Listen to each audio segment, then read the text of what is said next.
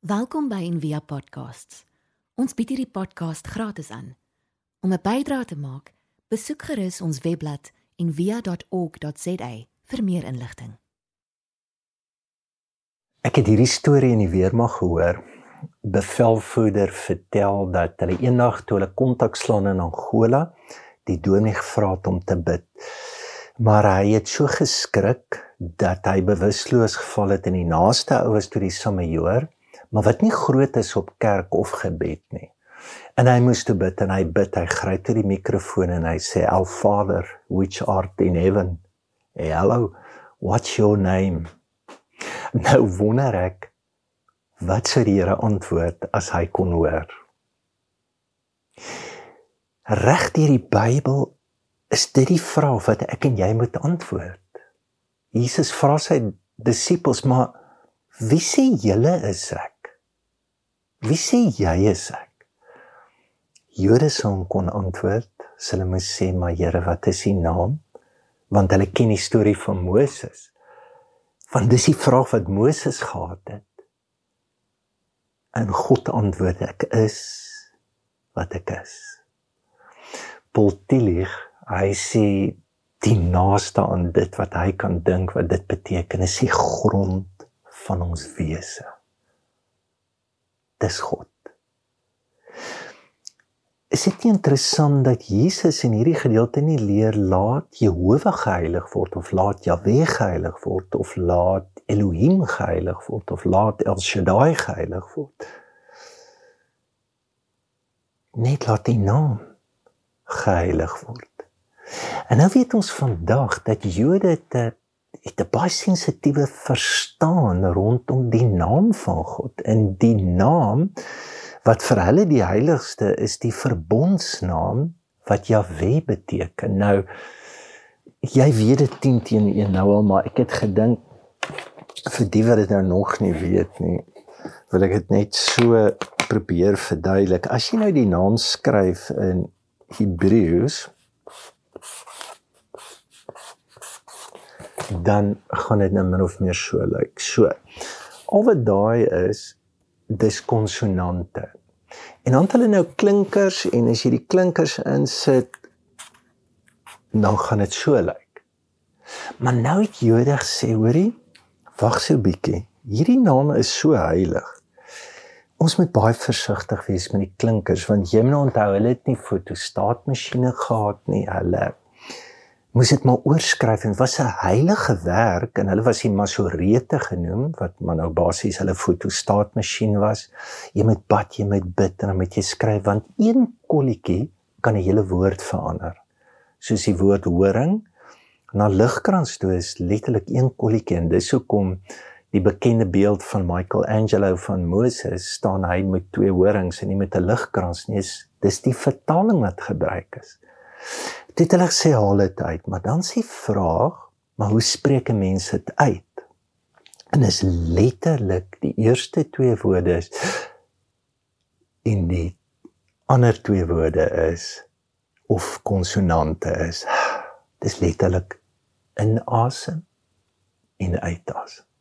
En daar het 'n hele tradisie rondom dit ontwikkel want die Jode sal ook vir jou sê laat alles wat asem het dat ons bid in elk geval. Die as ons nie meer bid nie, dan kan ons nie meer lewe nie. Dis wat Paulus bedoel het by bid sonder ophou. Maar wat hy vra is, wil jy nie jou bewustheid bring na die gebed wat alreeds besig is om in jou plaas te vind nie.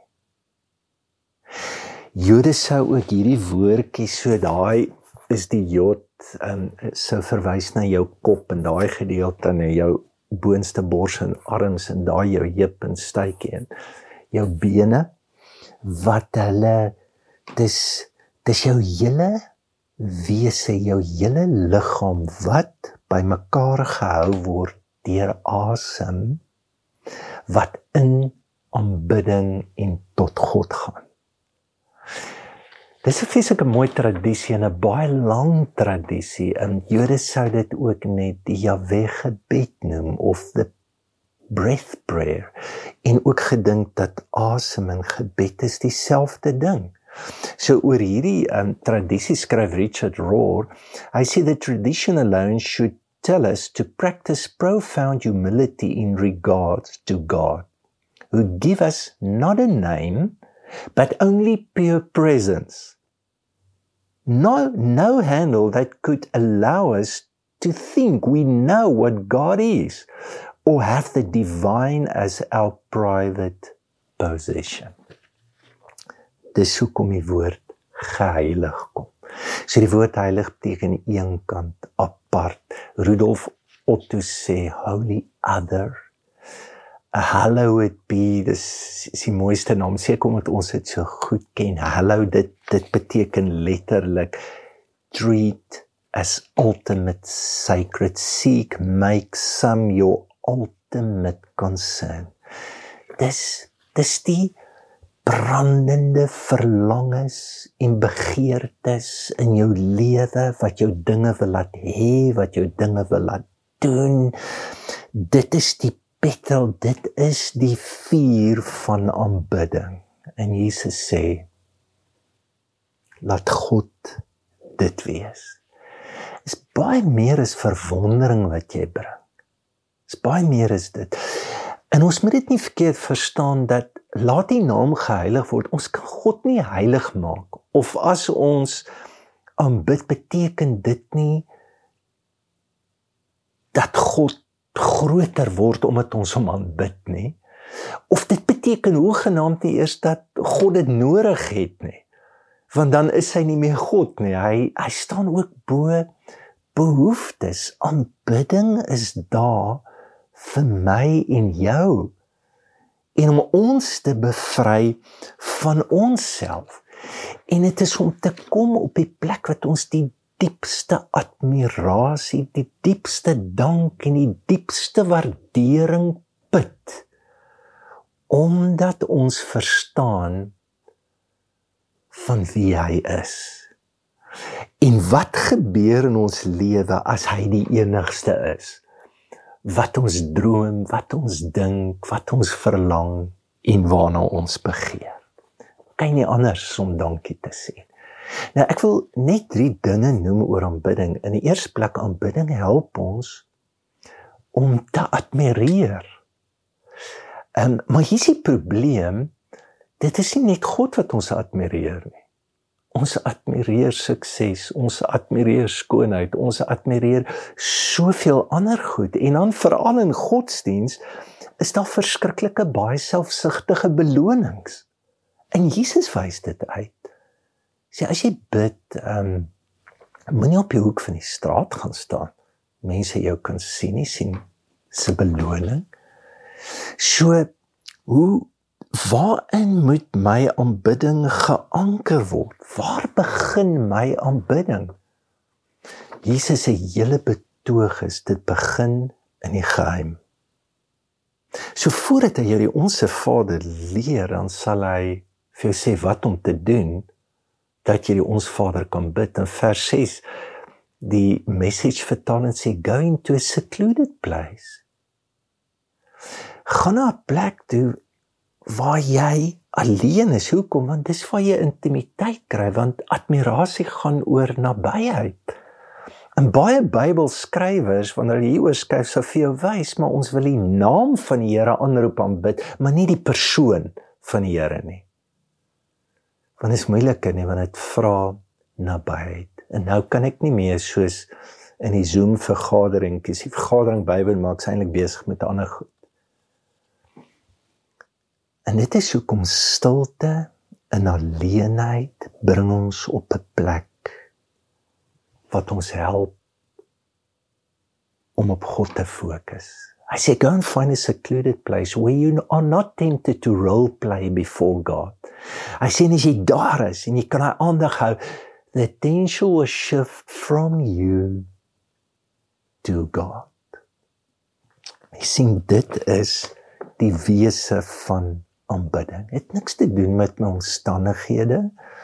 Jy weet of um, soos praise the Lord anyway, dit nou nie uitgewerk maar prys die Here. Dit het niks te doen met met my omstandighede nie want die probleem is gewoonlik is daar moeilikheid is bid ons.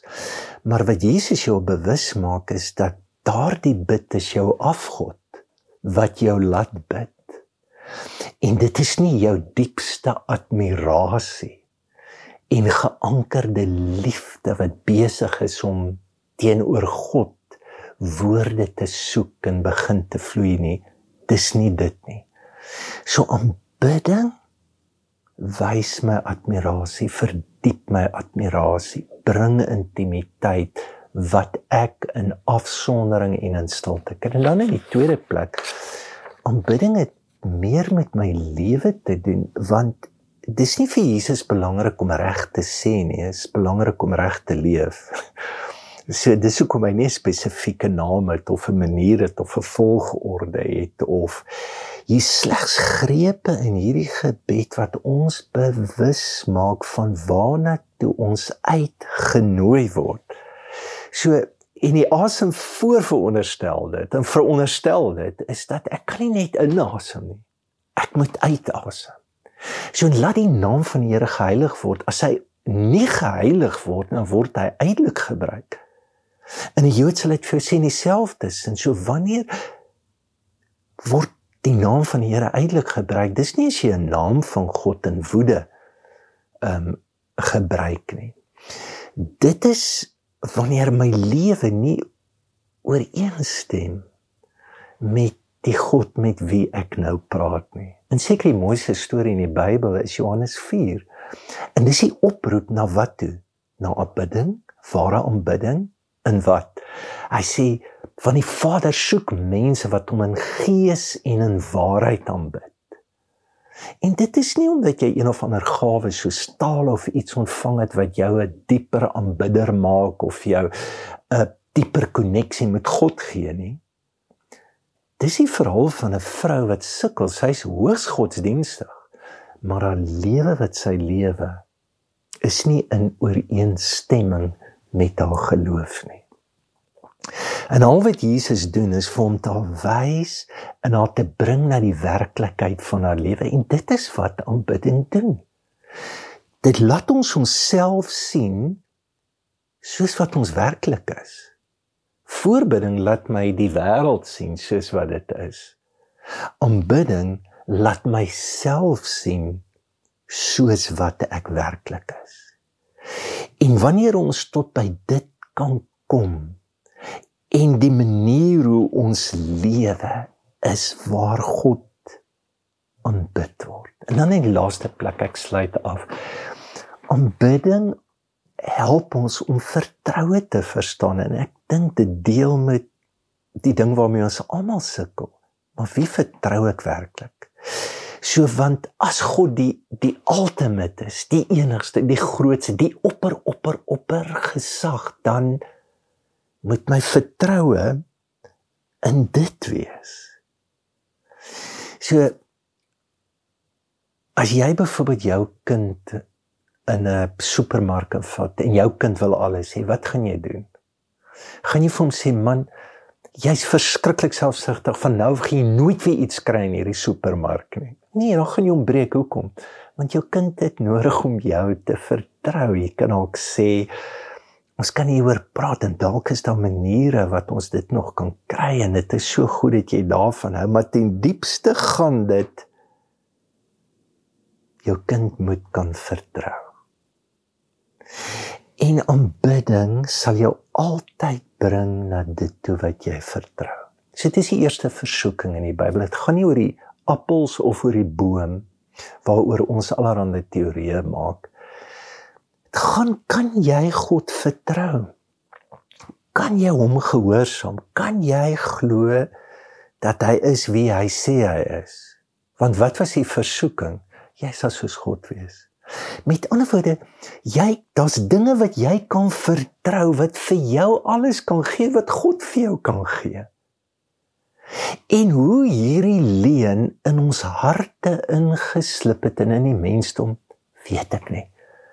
Is waarmee ons sukkel ons vertroue skuif. Is maklik om dit te bely en te sê die Here.